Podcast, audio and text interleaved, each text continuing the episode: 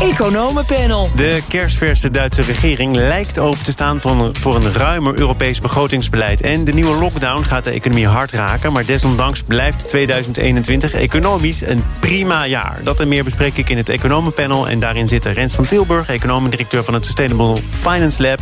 En Barbara Baarsma, directeur van de Rabo Carbon Bank, hoogleraar economie aan de Universiteit van Amsterdam. Welkom allebei. Goedemiddag. Dank je, goedemiddag. De Nederlandse economie krijgt misschien wel een flinke tik door de nieuwe lockdown. En toch is 2021 een jaar van economische groei. In het meest waarschijnlijke scenario groeit de economie dit jaar... ondanks de lockdowns met 4% En zelfs een eventuele krimp in het vierde kwartaal kan daar weinig aan afdoen. Rens, wat zegt dit nu precies? Nee, dat we een goed economisch jaar gehad hebben en dat het jaar bijna om is. Uh, dus dat als er nu een lockdown komt, dat dat niet direct deze cijfers nog heel erg zal, uh, zal raken. Um, maar goed, de grote vraag is natuurlijk hoe lang gaat deze lockdown duren? Um, en gewoon interessant, hoe gaat een economie zich houden die al twee keer in lockdown is geweest? leren we er wat van? Worden we er handiger in? maar dat, dat zal moeten gaan blijken. Op zich is dat wel het gevoel, en dat is ook wel wat je, wat je, wat je ziet, is dat, het, ja, dat we er wel steeds beter mee om kunnen gaan. Klaas Knot heeft dat volgens mij vorige week nog gezegd in Nieuwsuur onder andere... en ook in een publicatie van de Nederlandse Bank. Ja, Wij hebben als Nederlandse economie bewezen dat we flexibel zijn, wendbaar zijn... en iedere nieuwe lockdown levert minder schade op dan de vorige. En tegelijkertijd, ik zie ook wel om me heen mensen die juist nu zoiets hebben van... oh, we dachten er vanaf te zijn en uh, wat een klap is dit. dus dat is de andere kant. We, we leren elke lockdown bij. Aan de andere kant, elke lockdown is ook wel weer een aanslag... op ons gemoed en op onze creativiteit. Dus ja, wat daar de doorslag zal geven, dat, dat zal moeten blijken. Barbara, hoe oordeel jij over de Nederlandse economie het afgelopen jaar? En, en kun je ook al wat zeggen over of we inderdaad leren van lockdowns... en daar goed mee om kunnen gaan? Nou, de Nederlandse economie en veel economieën overigens uh, in Europa zijn uh, ongelooflijk veerkrachtig gebleken. Alleen wat we nu doen, uh, en dat is echt iets, het gaat niet alleen om het aantasten van de creativiteit en die veerkracht, maar het gaat ook om vertrouwen. En het feit dat we nu steeds dit soort korte termijn bijsturing hebben, ad hoc beleid, terwijl zo langzamerhand toch wel duidelijk is dat het coronavirus langere tijd bij ons blijft. En eigenlijk zou dat vragen om beleid dat ook um, ja, scenario's uittekent op die middellange termijn. Hoe gaan we die IC-capaciteit vergroten? Uh, hoe gaan we, als ons dat niet lukt, die schaarse capaciteit verdelen over coronazorg en andere zorg? Uh, hoe gaan we voorkomen dat we het hele land in, in lockdown zetten? Uh, omdat we die twee dingen eigenlijk niet goed met elkaar regelen. Nou, en ik denk dat het tast bij bedrijven het investeringsklimaat aan. Want zwalkend beleid is echt de dood in de pot van toekomstige investeringen. En uiteindelijk is dat ook ons toekomstige verdienvermogen. Maar tast, en dat is echt een, vind ik, heel belangrijk punt, het vertrouwen aan van burgers in de overheid. Maar ook tussen burgers onderling. En uiteindelijk is een high trust society, en dat zijn wij op dit moment nog, althans de cijfers van een tijd geleden, is ongelooflijk belangrijk voor groeivermogen. Een, een maatschappij waarin je de ander bent geneigd te vertrouwen, daarin is het veel makkelijker zaken doen. Die is veel flexibeler. En dat vertrouwen wordt nu ongelooflijk op de proef gesteld. Uh, de, grootste prijs die we misschien wel betalen, naast natuurlijk alle um, overledenen en zieken die te betreuren zijn, is de polarisatie die ons deel uh, is. En dat is echt een, een prijs die ik vind dat die onvoldoende aandacht krijgt. Uh, toch nog even naar wat de overheid misschien doet om het vertrouwen van ondernemers veilig te stellen, is steunpakketten. Uh, daar is weer een nieuwe variant van. Eerst ging het alleen maar over de TVL. Inmiddels lijkt het toch weer wat ruimer te worden. De NOW keert weer terug. Er is langer uitstel van belasting. Um, Rens, is dat het goede om op dit moment te doen? Uh, ja, dus, kijk, dat is ook precies wat Barbara Baarsma zegt. Uh, dit komt toch weer als een verrassing. Uh, en, ik, en ik denk aan de ene kant kun je zeggen... ja, iedereen is hierdoor verrast en niemand zag dit eigenlijk weer aankomen. Aan de andere kant, als je met scenario's was gaan werken... Mij verrast het wel dat, het inderdaad, dat, dat er ook eigenlijk geen plan klaar ligt. en ik denk dat dat inderdaad wel veel beter gedaan had, had kunnen worden. He. Het enige wat we nu weten is dat, een beetje flauw gezegd... maar dat de minister van Volksgezondheid op een, op een glossy met de kerst stond... Terwijl er had ook een ander scenario klaar kunnen liggen. Dan hadden ze kunnen zeggen, joh, dat scenario kan ook. En dan is het niet handig om dat soort dingen te doen. En dat had dus ook richting de economie en het soort van steunmaatregelen kunnen, kunnen komen. En als jij de auteur maar, zou zijn geweest van dat plan, wat had er dan ingestaan? Nou ja, ik, kijk, ik denk dat, dat, dat, dat het dus terecht is dat ze nu wel weer met deze steun komen. En dat had ook in mijn plan wel gestaan. Hè. Als we dan weer dichter moeten, dan moet, je, dan moet je wel met dit soort van steunmaatregelen gaan komen. maar aan de andere kant, ik denk wel dat, dat deze lockdown ons leert dat, dat die het scenario van dit gaat een chronisch probleem worden weer des te waarschijnlijker maakt. Ja, en dan moet je dus ook met je, met je steunmaatregelen moet je daar op, op in gaan stellen. En dat betekent ja, wel steun, want dat zal, dat zal nodig blijven. Maar ook wel steeds minder steun. Want je wil wel dat die ondernemers uh, zich wel gaan aanpassen. Want dit wordt misschien wel het nieuwe normaal. Ja, er is al wel gezegd, de NOW, daar moeten we nog eens goed over nadenken. Want er is krapte op de arbeidsmarkt. En dan is het heel gek om toch weer je toevlucht te zoeken tot subsidiëren van lonen. Ja. Hij is er nu toch weer wel. Ja. Ja, maar ja, goed, kijk, die krapte op de arbeidsmarkt... die kan ook heel snel verdwijnen natuurlijk... als we nu weer allemaal in lockdown gaan... en allemaal mensen weer hun baan uh, kwijtraken daardoor. Dus het, het, het, is gewoon een heel ingewikkeld uh, spel, zo gezegd. Maar ik denk, heel belangrijk... Uh, laat wel ruimte voor ondernemers die zich aanpassen. Hè, en ga niet inderdaad, zoals die allereerste pakketten... alles ja, min of meer bevriezen. Want we zullen hier gewoon mee moeten gaan, gaan, gaan leven... voor langere of voor kortere tijd. Dat is denk ik wel, wel helder aan het worden. Barbara, op de site van de Rijkse overheid kwam ik het volgende tegen... over die steunpakketten. Het is verstorend voor de economie, komt niet altijd op de juiste plekken terecht en doet een groot beroep op belastingmiddelen. Het kabinet realiseert zich dat die combinatie van sluitingen en ruimhartige compensatie op termijn onhoudbaar is. Uh, betekent dat, Barbara, dat het uh, min of meer de laatste ronde is? Hoe moet ik dit eigenlijk lezen? Nou, dat weet ik niet. Maar uh, kijk, dat er nu een steunpakket is, dat, dat, snap ik heel goed. Alleen wat ik niet begrijp is dat er weer uh, zo'n lockdown is. Want we hadden in september hadden we scenario's kunnen maken. Ik heb zelf in september getracht de RIVM-cijfers te ontleden. Alleen het RIVM deelt niet al zijn cijfers. Ik vind dat echt heel kwalijk. Maar oké, via allerlei andere U-bochten kwamen we dan toch tot die cijfers. Toen was al duidelijk dat als je goed naar die cijfers keek, de ziekenhuisopnames, de IC-opnames, dat uh, de effectiviteit van het vaccin aan het afnemen was onder degenen die wat langer geleden geprikt waren. Dus door de tijd heen. Toen was al duidelijk dat de ons omringende landen, het VK, andere landen, maar ook Israël, verder weggelegen, al bezig waren met boostercampagnes. Om, uh, omdat daar al duidelijk was dat, die dat uh, de effectiviteit afnam. Als we daar toen ook mee begonnen waren, als we eens naar de cijfers hadden gekeken, als we meer naar de bredere wetenschappelijke kring hadden geluisterd, dan waren die boostercampagnes niet pas nu binnenkort gestart, maar al veel eerder. En dan hadden we ook al die ellende in de verpleeghuiszorgen, die, uh, in de verpleeghuizen, die vandaag weer duidelijk worden, hoeveel sterfte daar toch weer is, had je misschien ook kunnen voorkomen. We hadden ook kunnen voorkomen dan dat de ziekenhuizen niet op slot hoeven voor de, voor de um, laten we zeggen, reguliere zorg, zoals dat heet. Die steeds meer, dus ik heb het dan over van heupoperaties tot en met uh, chemotherapie voor kankerpatiënten.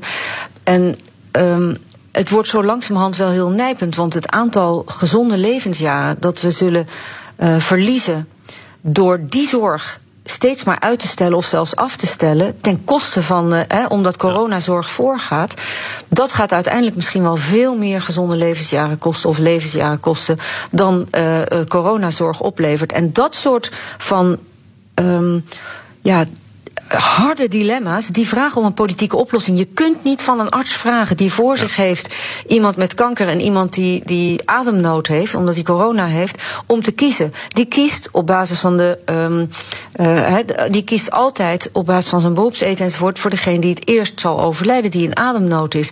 Maar ik ben er heel erg voor, en er zijn ook artsen die dit voorstellen, om de coronazorg te centreren, dus te concentreren. En door een keuze te maken is als wij nou voorlopig maar stel 100 aan capaciteit hebben, om dan zoveel aan coronazorg en zoveel aan de andere zorg. Maar dat je die andere zorg niet continu hoeft af te schalen. Um, want ja, dat, dat zijn echt. De, de, ja. Ik denk uiteindelijk dat het prijskaartje daarvan wel eens veel hoger kan komen te liggen dan waar we het de hele tijd over hebben. We gaan uh, van de, de Nederlandse prijskaartjes naar die in Duitsland. BNR Nieuwsradio. Zaken doen. Thomas van Zeil. En mijn gasten in het economenpanel zijn Barbara Baarsma, directeur van de Rabo Carbon Bank, hoogleraar economie aan de UvA. En Rens van Tilburg, econoom-directeur van het Sustainable Finance Lab. En Duitsland, zoals gezegd, want er is een nieuwe Duitse regering van de SPD, de Groenen en de Liberalen. En als de eerste indruk niet bedriegt, dan zouden die wel eens een ruimhartiger en flexibeler Europees begrotingsbeleid voorstellen. Aankomend bondskanselier Olaf Scholz lijkt niet bang om wat extra geld uit te geven. Die modernisering unseres Landes gibt es nicht zum Nulltarif. Wir werden massiv investieren, um Deutschland in der Weltspitze zu halten. Massiv investieren, Renz. Kan dat jouw goedkeuring wegdragen? Um, ja, zeker. Hè. Kijk, dat is ook al, uh, al heel lang helder dat uh, Duitsland gewoon veel te weinig investeert. Gewoon in zijn eigen land, in zijn eigen wegen. Uh, nou, probeer maar eens digitaal te betalen in, in Duitsland. Dat is, is, op heel veel plekken heel erg lastig. dus, dus daar is een enorme inhaalslag te maken. Er is ook wel gezegd hè, door Nederland, Nederland en Duitsland... ga alsjeblieft wat meer investeren. Dat was voor de coronacrisis. Zeker, hè, dat was natuurlijk het hele verhaal van de eurocrisis. Was, was, was in het zuiden moesten ze dan gaan bezuinigen. Maar dat werd wel extra lastig gemaakt. Omdat ook in het noorden we gingen bezuinigen. Geen geld uitgaven. Dus de, ja, waar, het moet ergens vandaan komen. Nee, dus, dus, dus, dus heel goed dat, uh, dat in Duitsland... Uh, ja, wat dit betreft gewoon een ander geluid te horen is. Tegelijkertijd, als je kijkt naar wat er in dat uh, akkoord staat... dan houden ze de, de, de, de zwarte nul wel overeind. Hè. Dus dat is eigenlijk de uitruil geweest. Dat ze zeggen tegen de liberalen. Want die zijn, die zijn niet... die willen niet meer geld uitgeven bij spreken dan de CDU. Ook al willen ze wel heel graag digitaliseren. Um, van we houden die zwarte nul die houden we overeind. Um, en tegelijkertijd uh, ja, gaan we eigenlijk hele andere manieren verzinnen. Een beetje uh, off-balance sheet uh, manieren. Om toch te investeren in, in die Duitse economie. Ja, door bepaalde zaken apart te zetten. Buiten de begroting te houden. Fondsen op te richten bijvoorbeeld. Precies, fondsen oprichten. Hè, waar we in Nederland nu ook over, over nadenken. nou, ze hebben in Duitsland hebben ze een hele grote nationale investeringsbank. De KfW. die willen ze gaan, gaan inzetten. En, want het is gewoon nog niet helemaal duidelijk hoe ze het willen gaan doen. uh, maar een, een, een, geluid wat een paar weken geleden ook uitkwam... was dat ze zitten te kijken van kunnen we niet een groot Europees fonds oprichten... waar gewoon voor heel Europa, en dat zou nou ook heel interessant zijn... want dan, dan open je ook de mogelijkheid om met dat geld... Um, om met dat fonds meer geld naar Zuid-Europa toe, uh, toe te brengen. Dan, dan, dan doe je ook iets aan dat stabiliteits- en groeipact. Hè, want dat, dat stabiliteits- en groeipact, die begrotingsnormen... daar gaat waarschijnlijk niet zo heel gek veel in, uh, in, in veranderen. Oh nee? Uh, dat is niet mijn verwachting. Hè. Dus, dus daar, daar, daar staat wel in dat, ook in het regeerakkoord... daar reageerden mensen enthousiast. Die zeiden van nou, er staat toch dat er gemoderniseerd kan worden. Dingen kunnen, uh, flexibiliteit is goed, het kan transparanter. Maar ik denk dat dat, dat dat een hele ingewikkelde discussie zal zijn. Ik denk dat er in Europa eigenlijk eerder nagedacht zal gaan worden over... moeten we dat corona-herstelfonds, wat we nu tijdelijk eigenlijk in de markt hebben gezet... moeten we dat niet permanenter gaan maken. En ik denk dat dat ook iets is wat zelfs dus voor die Duitse binnenlandse bestedingen... een uitkomst kan bieden, want dan kunnen ze wel investeren in Duitsland. Net als dat er in Italië en Frankrijk geïnvesteerd gaat worden. Zonder dat dat de eigen nationale begroting uh, uh, belast. Maar toch nog even over die eigen nationale begroting. Want die zwarte nul wordt er vaak bijgehaald. Die is heilig voor Duitsland. Als je nu zegt, nou daar kunnen we aan vasthouden. Maar we richten wel allerlei fondsen op. En we proberen buiten de begroting om fors te investeren. Uh, ja, valspelen is verkeerd uitgedrukt. Maar ja, wat, zegt, wat zegt die zwarte nul dan nog? Nou ja, kijk, een schoonheidsprijs verdient dat natuurlijk ook niet. Hè? Dus het, het, het, het is ook wel een beetje de mensen voor, voor, voor de gek houden wat je daarmee doet. er zijn op zich ook wel argumenten waarom je zegt van ja, maar kijk, dit zijn eenmalige uitgaven. We gaan maar één keer zo'n klimaattransitie maken, maar één keer zo'n digitale transitie maken. Dus, dus, dus ja, dan kan je daar een fonds voor oprichten. Het zijn ook uitgaven die over een lange periode gebeuren. Dus dan wil je dat, hè, dat wil je consistent uh, beleid hebben. Dus dat wil je, wil je eigenlijk niet aan één regering ophangen. Dus dat zijn, dat zijn wel hè, aan de andere kant, het geld is nu heel goedkoop. Dus laten we dat goedkoop je moet het nu doen. Dat wat nu in Nederland ook wordt uh, gezegd. Pakken. Nee, absoluut. Ja. Dus dat zijn, zijn op zich allemaal begrijpelijke redenen. Uh, maar goed, er valt ook allemaal wel wat tegenin te brengen. Um, dus ik, ik, ik vind het niet de schoonheidsprijs verdienen. Maar ja, als dit uh, gegeven de, de politieke constellatie is, ja, hoe, hoe je die, en daar gaat het uiteindelijk toch om, die noodzakelijke investeringen kunt doen. Nou ja, dan uh, als het niet kan zoals het. zoals het nee, hoe ging het? Als het niet kan zoals het moet, dan moet het maar zoals het kan. Of gaat zoals het wil. Nou, zoiets. Zoiets. We, we, we doen hetzelfde. Barbara, geen schoonheidsprijs dus, die hier wordt uitgereikt door Rens. Hoe kijk jij ernaar? Nou, ik hoop wel dat er iets van ruimte komt in, het, uh, uh, in de begrotingsregels. Um, waarom? Omdat die nu ongelooflijk ingewikkeld zijn. En dus ook niet uiteindelijk misschien wel de goede sturing geven. Bovendien passen we ze niet consistent toe. Hè. Dus er zijn wel begrotingsafspraken, er zijn wel regels. Maar als je er niet aan houdt, ja, dan die boete komt toch niet. Um, en ik denk dat het uiteindelijk, en dat is het derde, best goed is om iets meer ruimte te geven uh, voor landen om wat meer uit te geven dan met name die, de, als je even het helemaal plat slaat, die begrotingsregels, dan heb je 3% je maximaal je begrotingstekort en 60% maximaal je schuld. Nou, die laatste, die 60%, daarvan zeggen de meeste economen en ook ik, hmm, ja, dat is wel heel erg uniform. Ik weet nou niet of dat altijd verstandig is om je daar zo, uh, om daar zo uh, aan vast te houden. Die 3% op zich is wel, daar is best wat voor te zeggen. Of niet die 3%, maar een beperking in, in, in, in tekort opbouwen. Um, maar geef iets meer ruimte, zeker als dat gebruikt wordt, niet om conjuncturele problemen op te lossen, maar om structureel groeivermogen van een lidstaat te vergroten. En volgens mij gaat het de Duitsers met name ook daarom. Ik ben er niet zo heel erg voor om dat in allerlei fondsen te zetten. He, er is bijvoorbeeld ook sprake van dat er dan zo'n green, um, uh, hoe heet het moet worden, zo'n green golden rule, he, waarbij groene overheidsinvesteringen niet meetellen in de 3% tekortnorm. Maar daar ben ik eigenlijk niet zo heel erg voor. Want uh, daarmee breng je dat soort dingen buiten de integrale begrotingsafweging. En dat is niet gezegd dat, dat je daarmee nou betere investeringen krijgt. Rens, Rens jij zegt en het is geen schoonheidsprijs, maar, maar, hoe kijk jij hier naar? Want je stelt het inderdaad buiten de begroting. Nou, ik ben beter voor. Ik ben er meer ik ben ervoor om, om, om het uh, begrotingskader, uh, die SGP, uh, uit te, om, dat, om dat aan te passen. Um, het, en ik denk dat, dat, dat daar verschillende manieren voor zijn. Tuurlijk, de perfecte begrotingsregels die bestaan niet. Want wat goede regels die moedigen echt anticyclisch beleid aan. Maar dat zou kunnen met een grotere focus op de schuld in combinatie met een uitgavenregel. Die uitgavenregel die is al, al he, waarbij je niet focust zeg maar, op dat hele ingewikkelde schuldafbouwtempo. Dat is allemaal super intransparant. Wat dat structurele saldo, dat sixpack van het XGP. Niemand weet nou precies uh, hoe, dat, hoe dat stuurt. Maar Toch nog even een reactie vragen van, van Rens. Want, want jij zei nou, het, het kan inderdaad mooier, het kan chiquer. Maar jij ziet niet per se een bezwaar in die fondsen. Uh, Nee, ik, ik, nou, wel. Nee, ik vraag het even, even ja, jij wel, maar ik vraag het even aan Rens. Ja, nee, kijk, en ik, ik, ik ben het helemaal eens met, met, met Barbara dat, uh, dat, dat ook het huidige stabiliteits- en groeipact geen uh, schoonheidsprijs verdient. Hè. Dat is allemaal veel te ingewikkeld. En alleen mijn punt is dat je kunt dat wel eenvoudiger proberen te maken. Maar als je eventjes een stapje naar achter doet en bedenkt van waarom is het zo ingewikkeld geworden, dan is dat uh, in, in mijn analyse dat we hebben namelijk die 3% en die 60% die zijn vastgelegd in het verdrag. Nou, dat verdrag dat gaan we echt niet veranderen de komende jaren. Dus die 3%, 60%, die zullen als streefgetallen, zeg maar, zullen die gewoon overeind blijven. En wat er in feite uh, gebeurd is de afgelopen jaren.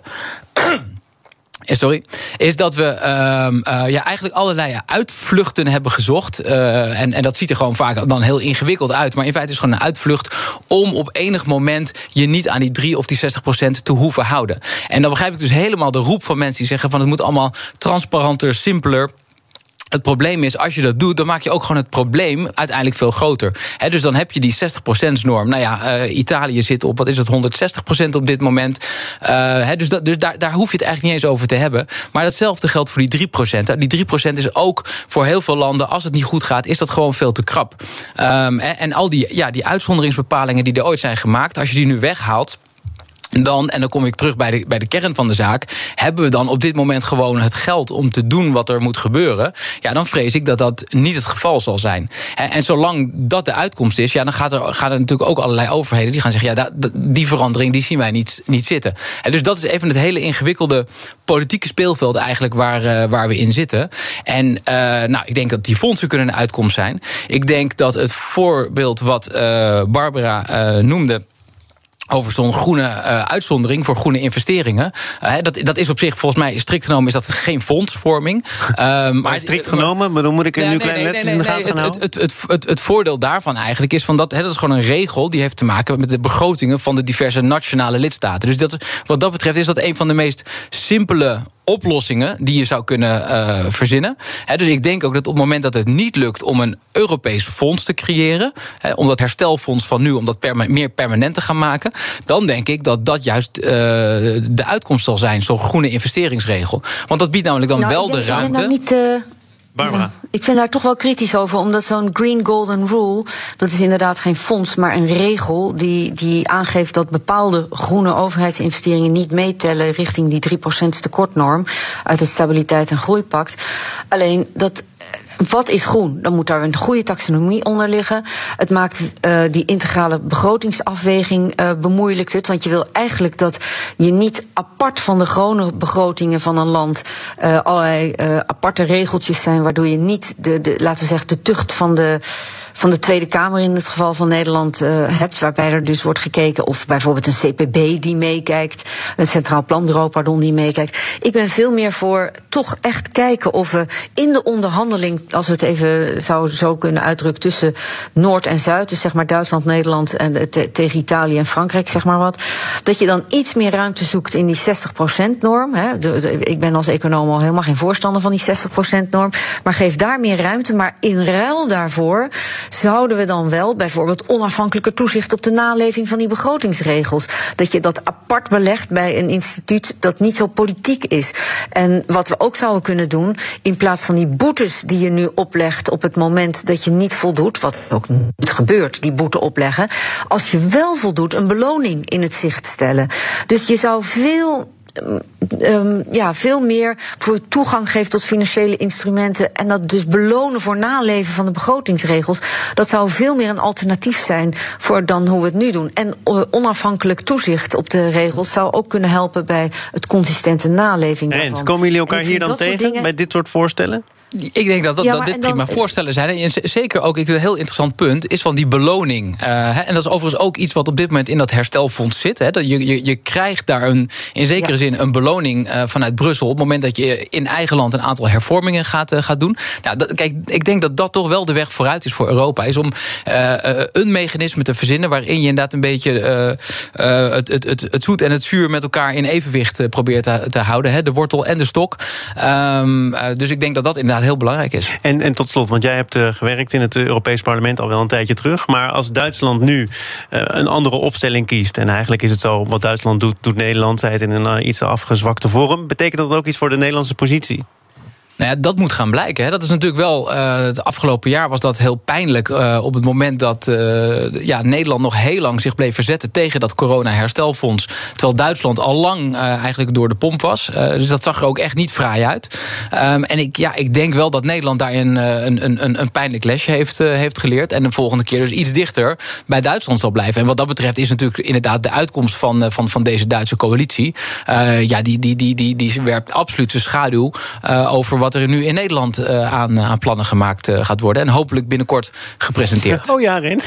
Wie weet, misschien nog dit jaar. Rens van Tilburg, econoom-directeur van het Sustainable Finance Lab. En Barbara Baarsma, directeur van de Rabo Carbon Bank. En hoogleraar economie aan de Universiteit van Amsterdam. Dank voor jullie bijdrage aan dit economenpanel.